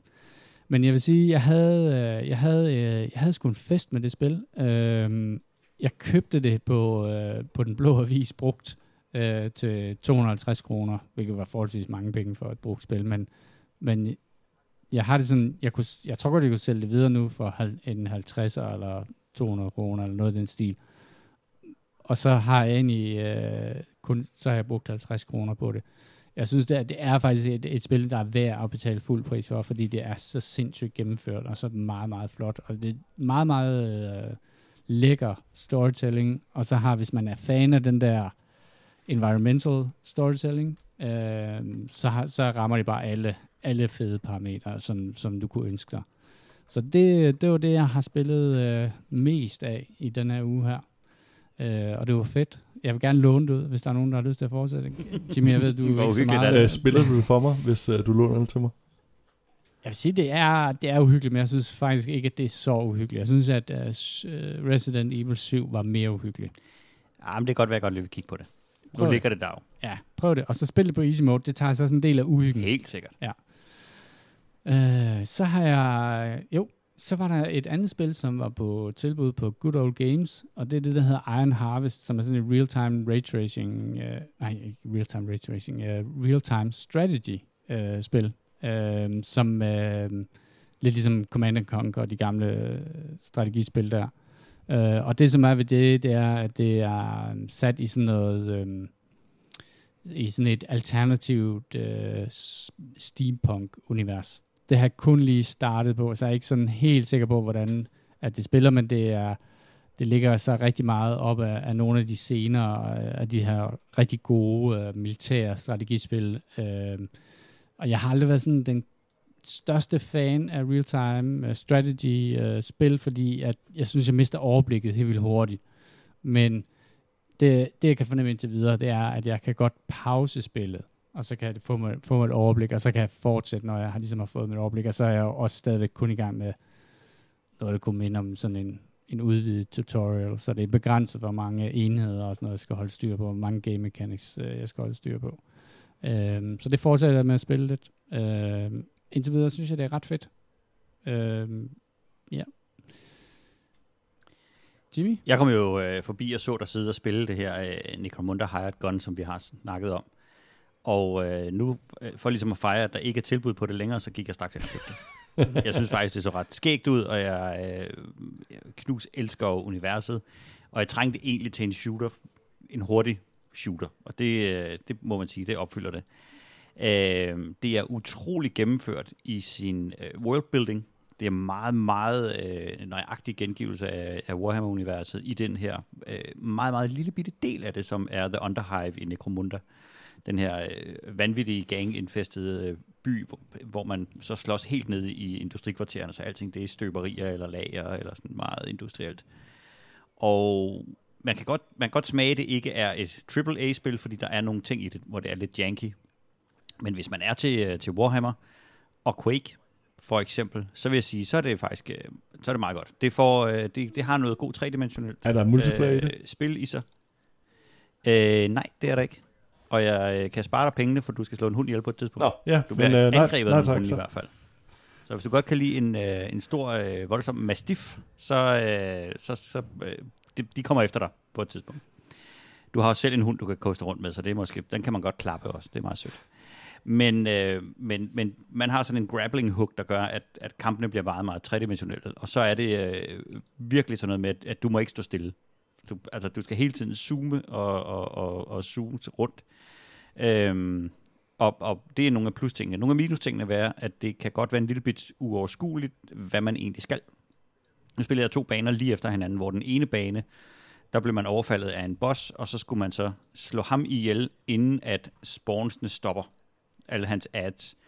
Og så umiddelbart efter var der en bane, hvor at man så skal arbejde sig igennem alle adsene. Øh, men man kan, ikke, man kan ikke se en forskel, eller, eller smage en forskel på det. Øh, men men det, er en, det er en mindre ting, som gør, at, at, at der bare er mere gameplay. Altså, der er bare masser at lave. Jeg kan godt lide gunsene i det spil. Ja, de er store, dejlige og voldsomme. Det er en god gengivelse af, af de her spil. Også fordi de for en gang skyld ikke er i hænderne på Space Marines, hvor de jo øh, kvæg alting må være lidt mindre imponerende, når du løber rundt og skyder med dem, fordi at, at du er sådan en 2,5 meter høj affutage, der godt kan holde godt fast i den. Men, men de fungerer jo drøn godt her, og de er, det er voldsomme øh, våben, og det er voldsomme fjender, og det, der er smadrer på. Det er godt. Det er ikke sådan et, et, et spil, der udfordrer... Intellektuelt, nej. Nej, og de forsøger ikke at være mere, end det er. Øh, og det kan jeg egentlig godt lide ved det. Øh, Det har sådan lidt fornemmelsen af en, en 80'er-film. Mm, Sådan, det er bare... øh, De ved godt, det er bare action, og de prøver ikke mere end det. der er noget øh, customization med dine våben og sådan noget. Der er faktisk overraskende meget, at du kan udskifte af dimser og dutter. Man kan virkelig skrue på både sin våben og på sin, øh, sin cyber augmentations og på sin hund og på... øh, Der er også noget skill-based et eller andet øh, gemt derinde et sted. Og, øh, og de skal have, både have point og kritik for, at øh, introen til spillet, det er, øh, du peger og skyder sådan her. Mm. Mm. Og så hvis du trykker på den her knap, så slider du. That's it. Du får intet at vide omkring hele det her augmentation-system, eller hvem du skal snakke med for det ene, eller det andet, eller det tredje. Så må du bare gå i gang fra en ende af. Og, og jeg endte med at have, have, være voldsomt overpowered, eller underpowered på den mission, jeg skulle ud på. Men så måtte man jo gå tilbage og sidde og, og, og stige lidt på det der. Historien er, er helt til hest. Altså, de hælder navne ud i sådan en, en, en grad, så jeg allerede... Altså, jeg håber ikke, der kommer sådan en popquiz, hvor man skal svare på, hvem øh, Iron Slither er i forhold til Black Snakes, i forhold til en eller anden bande. Det er bare nogle bander. Det er bare nogen. Altså, det er ligesom... Det er nogen, der øh, skal dø. Jamen lige præcis, ligesom når de i en, i en, hvad hedder det, i en fantasy-roman starter med at, at beskrive alle de der lande, der ligger i forhold til hinanden, og delt af den her flod og det her bjerg over bag ved det, der ligger der en væg, og her der er der noget is. Og det er alt sammen fuldstændig ligegyldigt. Det er bare fyldt. Jeg, jeg, jeg, jeg har haft det liggende lidt, og tog det faktisk op her for ja, i går, tror jeg det var, og begyndte at spille lidt igen. Og der kunne jeg godt mærke, at det havde rodfæstet sig lidt, øh, sådan, du ved, hvordan man spiller det. Og det er sådan, det der med at spille sådan et, en shooter, hvor mobiliteten er, altså jeg er meget sådan en, der sætter mig bag en uh, Santec og tager potshots. Uh, og det kommer man overhovedet ikke særlig langt med i det der spil der. Så det, det, det, det der med ligesom at, at sige, okay, nu har jeg en grappling gun, og hvis der er en, der løber imod mig, så løber jeg imod ham og så grappler jeg hen over ham og lander bag ved ham og skyder ham i ryggen, og det er sådan, det spil, det foregår. Det kunne jeg mærke, det havde ligesom, det havde festnet sig lidt mere i mine tanker, så jeg klarede mig langt bedre, efter jeg sådan havde haft det liggende lidt, hvor jeg sådan første gang tænkte sådan, shit man, det er jo, det er jo kaos, det her. Man skal lige huske, at man har invulnerability frames, når du laver et takedown. Det er, dels så får du sandsynligvis en lille smule health eller armor, og så lige øh, et par sekunders pause. Og de har sådan nogle takedowns, som man kender fra, fra de seneste Doom-spil. De er bare sådan virkelig dårligt lavet. men, men, Men nu- lange, så der er god lang pause. Ja, det er god langt, at man kan lige nå at tage en, en tår kaffe ja. Og sådan noget, mens, man skærer en eller anden i halsen. Jamen, øh, jamen jeg, jeg, jeg, jeg jeg fortsætter spille også, noget mere. Ja, jeg fortsætter med at spille. Jeg bliver også hooked lidt på det der med, at, at der var nogle ting, der blev bedre, nogle våben og nogle augmentations og sådan nogle ting. Man kan, man kan bruge lidt, øh, lidt point og lidt penge og sådan nogle ting. Kasper, Ja.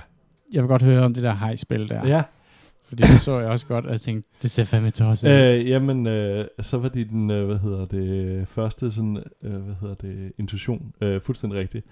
Øh, det, det er et spil, der hedder Man Eater, øh, som placerer sig i genren af high RPG simulator, som igen er en meget velkendt og stor genre.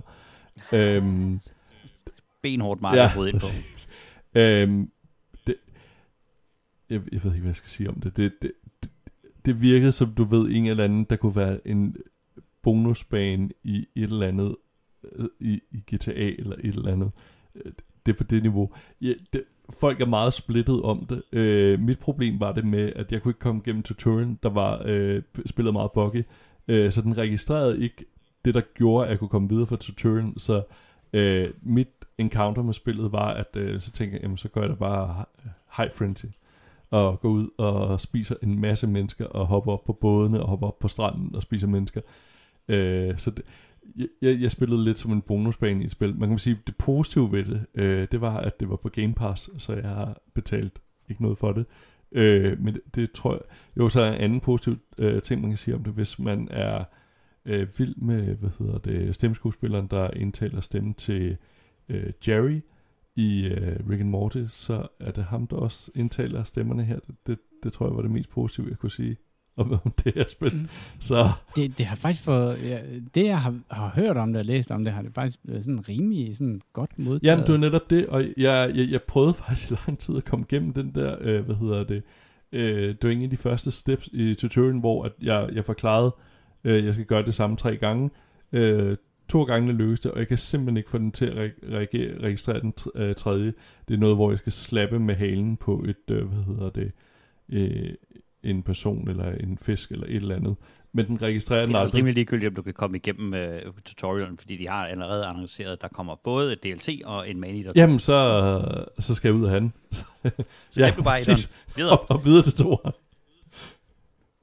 Men, altså, man kan godt prøve, hvis det kunne være, at man er lidt mere heldig. Altså, jeg har hentet det ned, eftersom det var på Game Pass. Det ligger her og stiger på mig på, øh, på skrivebordet, men uh, Du har ikke dobbeltklikket du nu. er... Øh, du har ikke talt mig hen i et dobbeltklik i hvert fald. Prøv at gøre det. Prøv lige at gøre det. Vi prøver det. Jeg har en lille ting til sidst, som er, at øh, der er øh, en ting, som jeg synes faktisk er rigtig fedt ved øh, det nye øh, E3-format, det nye digitale format, det er, at øh, de, øh, at der kom en del demoer på, på spil. Øh, og jeg kan ikke huske, om det var Summerfest of Games, eller om det var E3, eller om det var Steam. Jeg tror, Steam havde deres egen sådan uh, indie developer ting, hvor de har, hvor du kan gå ind på, på Steam lige nu, Mm, noget der hedder ja. Next Fest. Uh, og der kan du downloade demoer til nye uh, kommende spil. Uh, sådan som jeg ser det, så er det meget sådan indie, indie games.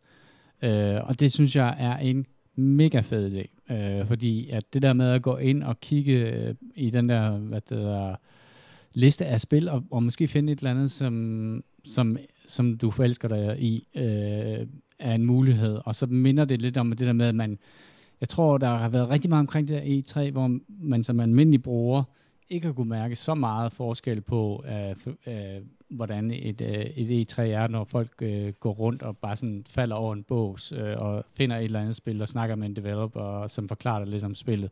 Jeg kan huske, jeg var på Gamescom for nogle år siden, hvor at jeg, jeg faldt i snak med nogen, som var i gang med at lave et spil, som hed øh, Far Lone Sales, som var sådan en lille indie-title, øh, og forelskede mig ret meget i det spil, bare ved at sidde og spille den der lille demo der. Og den, sådan, den, sådan en, øh, en, øh, en eller anden form for samme øh, oplevelse kan du få ved at gå ind på Steam og finde de her spil her, hvor du kan spille en eller anden begrænset, begrænset demo.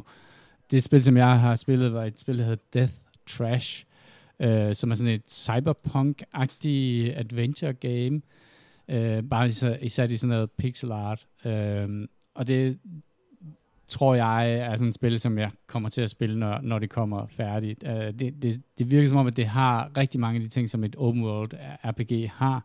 Det er bare sat i en verden, som er sådan en øh, bizarre, du ved, cyberpunk-verden er gået øh, nedenom og hjem, øh, computerne har magten, og du er sådan et menneske, der forsøger at overleve i sådan en, en kæmpe stor verden. Men så grafisk er det, øh, er det den her pixel art. Øh, og det synes jeg var ret imponerende, øh, at, de, øh, at man kan få kernen af det, som rigtig mange AAA-spil du ved, bruger utrolige mængder af ressourcer på at få noget til at se fotorealistisk ud. Men i virkeligheden er stemningen og alt det andet, behøver du ikke så sindssygt meget øh, grafik øh, for at, at formidle. Øh, men min anbefaling er egentlig bare at gå ind og, og kigge på det der, og downloade nogle demoer og teste nogle demoer. Det er ret sjovt, øh, det der med at gå ind i sådan en... Øh, hvad, hvad, hvad er der egentlig derude på indie-markedet? Hvad kommer der? Der må, øh, der må lige sample en lille smule og sådan noget. Der er mange, mange forskellige øh, typer spil, og det er, ja, det er Steam, der har det. Jeg tror også, der er nogle andre, som har øh, sådan, jeg tror, Xbox har også øh, kørende nogle demo-ting øh, for tiden, hvor man kan gå ind og kigge på, øh, på kommende indie games.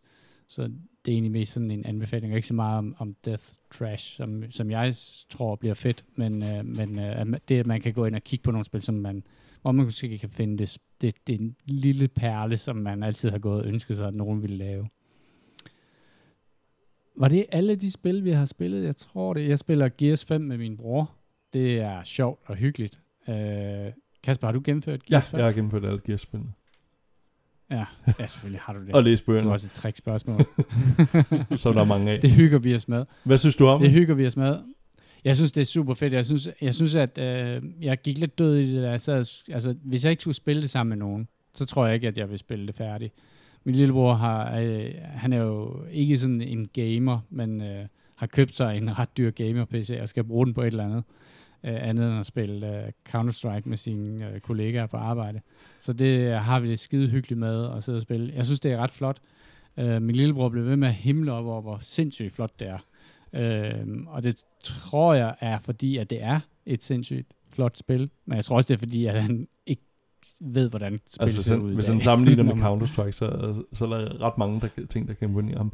Men det, det er jo måske også Ja. noget af det, jeg skylder Ja. at sige omkring, øh, jeg tror, jeg har sagt det nogle ga- gange, men også meget af min, af min Gears-kærlighed, det er, at alle spillene har jeg spillet i co-op, øh, jeg har spillet med en gammel gymnasieven, øh, og vi har gennemført alle spillene sammen. Øh, og det er den måde, jeg har spillet Gears-spillene på. Så der er også, hvad kan man sige...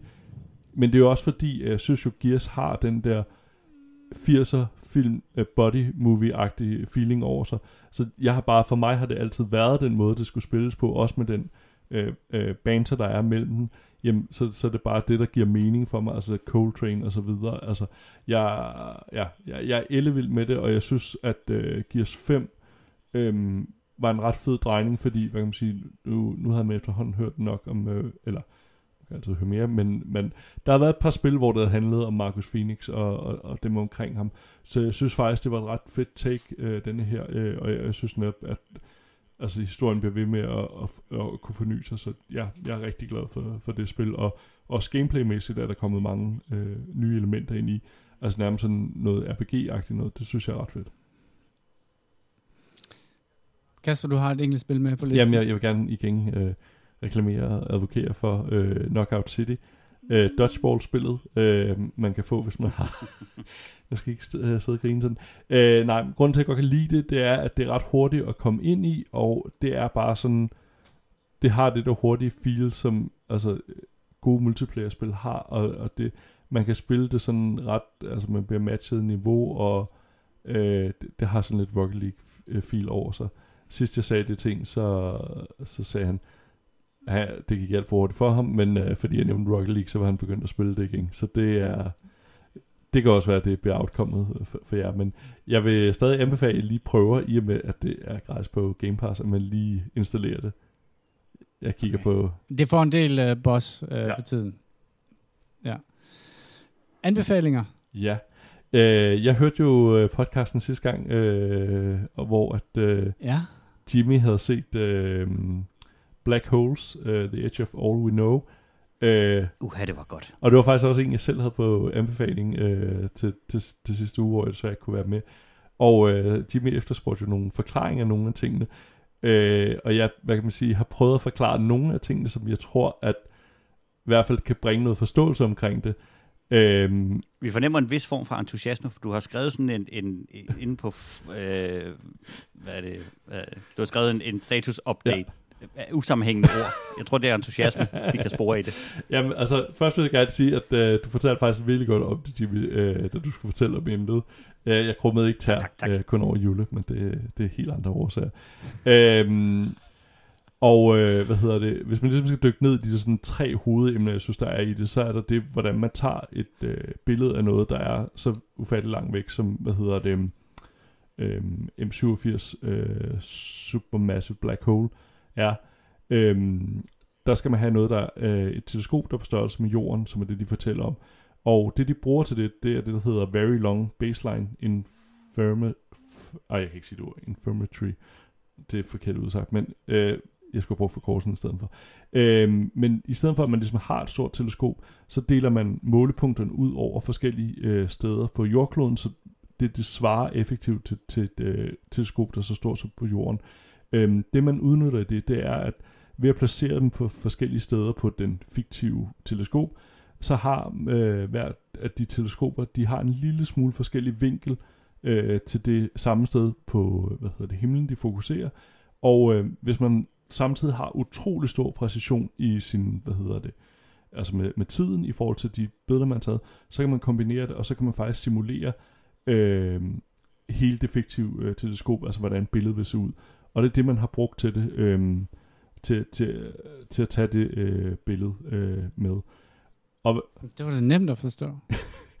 det forstår jeg da sagt. okay, øh, da, du, da du så det, og så var det næste emne, så, Nej, da Nå, okay, forklarer. jamen det, øh, hvad hedder det, det, det er nogle gange det, hvor det bliver sådan lidt, altså jeg synes, jeg synes, det var meget fedt, det var så meget drømmende, og sådan men bagefter kunne jeg godt se, der var måske noget, hvor det blev sådan lidt øh, sådan drømmesekvensagtigt, og så, så var det forklaret. Det næste er, øhm, øhm, og, og hvis man skal forstå det, man har taget, altså størrelsesforholdene i det her, øhm, M87 øh, sort hul, det er et rigtig stort, øh, hvad hedder det, sort hul, eller en stor krabat, som det hedder teknisk. Øhm, det er et øh, sort hul, som har en masse, der er 6,5 øh, milliarder gange øh, solen, så den er ret stor. Men den er 55 millioner lysår væk. Øhm, og så er det lige pludselig noget, der er meget langt væk. Og hvis man skal sætte det i sådan et størrelsesforhold, så svarer det til, at vi står her på jorden, og vil tage et billede af en tennisbold på månen. Altså så lille er det objekt, som de har zoomet ind på. Og så er det, må man sige, så er det altså rimelig imponerende, at man får sådan et billede ud af det. Og det er netop igen ved at have lave det der fiktive teleskop, øhm, som har størrelse med, øhm, med jorden. Øhm, og så er det det, de tager billede af. Og hvad er det indtil vi ser? Øhm, der er ikke rigtig noget, der kan undslippe øh, et øh, sort hul. Øh, ikke engang lys, det er jo det, man hører. Øhm, så det vi kigger på, det er det, der hedder Event Horizon, øh, og det er også det, hvad hedder det, projektet hedder. Jeg, jeg mener, det hedder IHT eller sådan noget. Event Horizon, et eller andet, og det var rigtig godt, at jeg lige slutte op der. Øhm, det, det kan være lidt svært at forklare, når man ikke har noget video til at understøtte det i den her øh, podcast. Øh, så jeg vil anbefale, den hedder Veritasiums øh, video om emnet omkring øh, Black Hole Imaging. Øhm, og øh, Jule vil kunne genkende det fra dem, der hedder Compliant Mechanics. Det var også øh, den øh, video for dem, jeg anbefalede. Så øh, de forklarer rigtig godt omkring det. Men det, det handler om, det er, at, øh, at lyset bliver bøjet på begge sider. Og han forklarer faktisk, hvordan man vil få det sorte hul-billede, øhm, som vi ser, øh, som man ser i filmen Interstellar. Øh, det, det kræver en speciel vinkel, man ser det fra.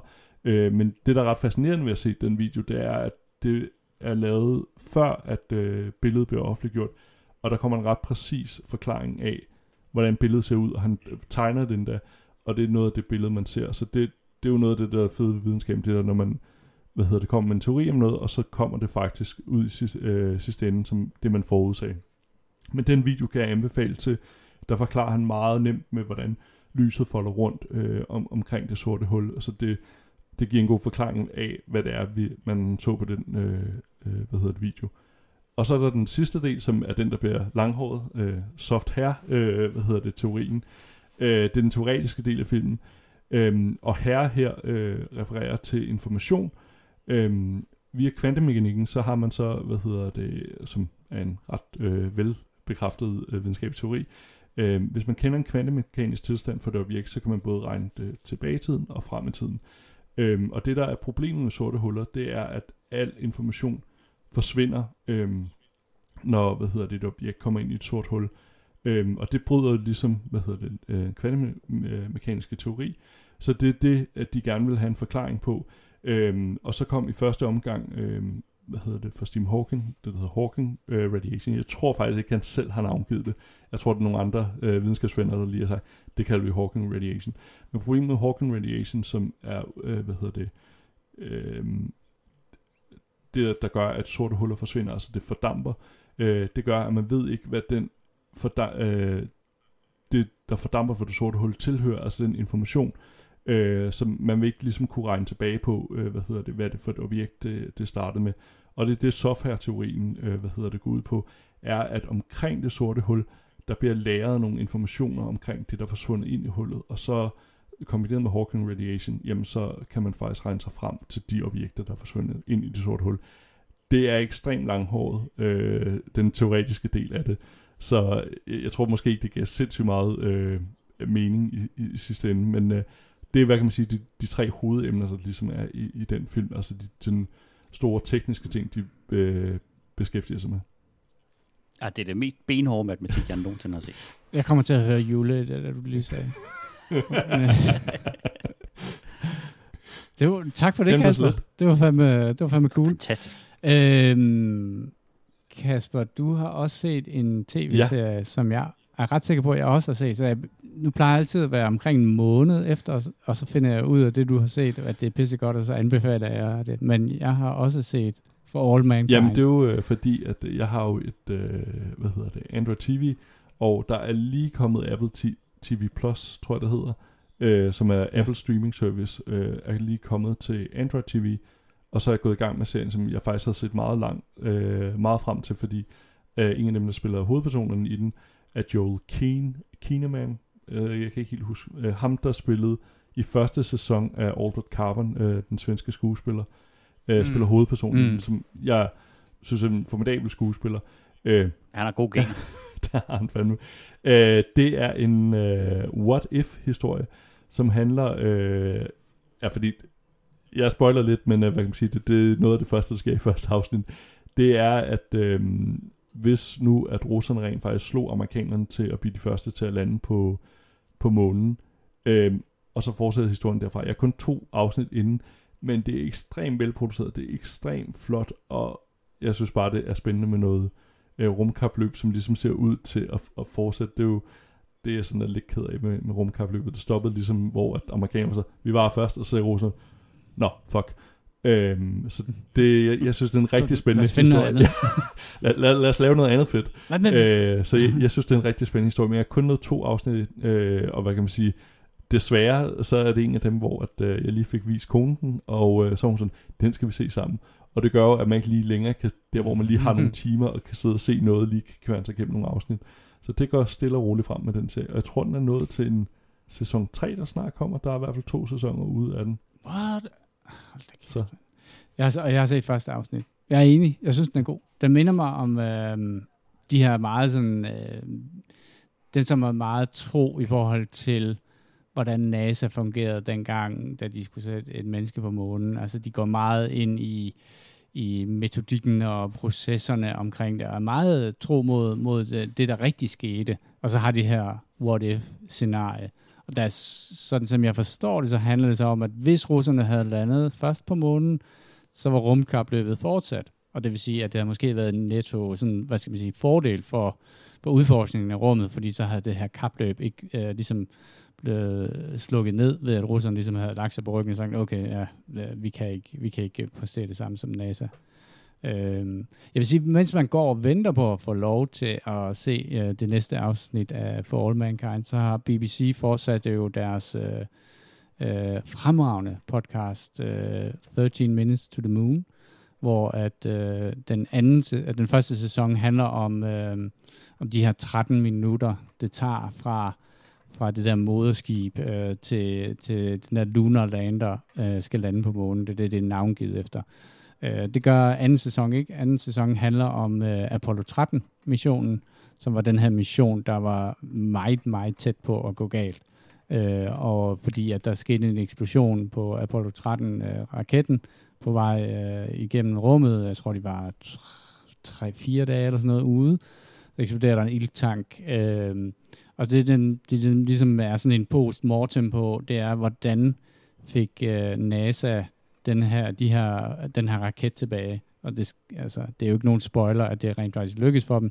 Men når man hører om de problemer, som de havde øh, med at øh, opbygning af kvælstof, øh, mangel på strøm, øh, en, øh, en af astronauterne, der fik blærebetændelse og sådan nogle ting, så er det helt ufatteligt vildt, at de fik de der folk ned igen øh, på jorden i levende live. Og det er sådan, hvis man er interesseret i, hvordan man, hvordan man angriber et problem, som er uoverskueligt stort, øh, og, og rent faktisk deler det problem op i mindre problemer, så er der noget virkelig, virkelig interessant viden i, øh, hvordan de gjorde det dengang. Det var meget sådan, NASA var jo en ekstrem ingeniørdrevet virksomhed, og havde øh, procedurer for alting. Det, som de ikke havde en procedure for, det var selvfølgelig det præcis, der skete øh, hvor at løsningen viser at være, okay, men hvis du nu øh, har mistet moderskibet, kan du så bruge øh, lunar landeren til at, og, som traktor eller pulling machine til at ligesom og, og, og at, bringe den her hvad det, og, og dreje rundt og så få, få den her raket tilbage til, til jorden. Og der har de, altså den måde, som, øh, som de prøver, altså den måde, som NASA er opbygget på, er også, at de ikke improviserer de tester alting, før at de gør noget. Og når man så har få timer til at køre din test, øh, for ligesom at øh, verificere, at de rent faktisk virker, øh, så kræver det nogle mænd af nogle, en, en ret speciel støbning. Øh, og det, øh, det er så tydeligt i den der podcast, hvordan at de der mænd er, fuck mand, altså de var 27 år gamle øh, og skulle tage nogle beslutninger. Øh, fascinerende, fascinerende gennemgang af, hvordan beslutningsprocesser øh, foregår hos folk, som er rigtig, rigtig dygtige til at tage beslutninger. Øh, så den, den vil jeg bare anbefale, hvis man er sådan interesseret i sådan noget hardcore øh, behind the scenes omkring, hvordan NASA fungerer. Det er virkelig, virkelig fascinerende. Og så har de jo, altså sådan jo ekstremt velproduceret. De har fået Hans Zimmer til at lave musikken. Øhm, og, øhm, og bare sådan virkelig, virkelig lækkert fortalt. Var det anbefalingerne? Det tror jeg. Eller har du mere? Det, det var det, ja. Så synes jeg da, jeg er ved at, at smelte. Jeg skal ud og have et eller andet koldt at drikke. Og øhm, husk, at du kan finde os på eskapisterne.dk. Du kan finde os på alle de steder, man kan downloade podcast. Du kan også skrive til os, det kan du gøre på vores uh, Gmail. Det er escapistpodcast at gmail.com med forslag til spil eller emner. Det var alt for denne udgave af Eskapisterne. Hvis du synes, at podcasten er god, så del den endelig med dine venner på vegne af Jimmy, Kasper og mig selv. Tak fordi I lyttede med.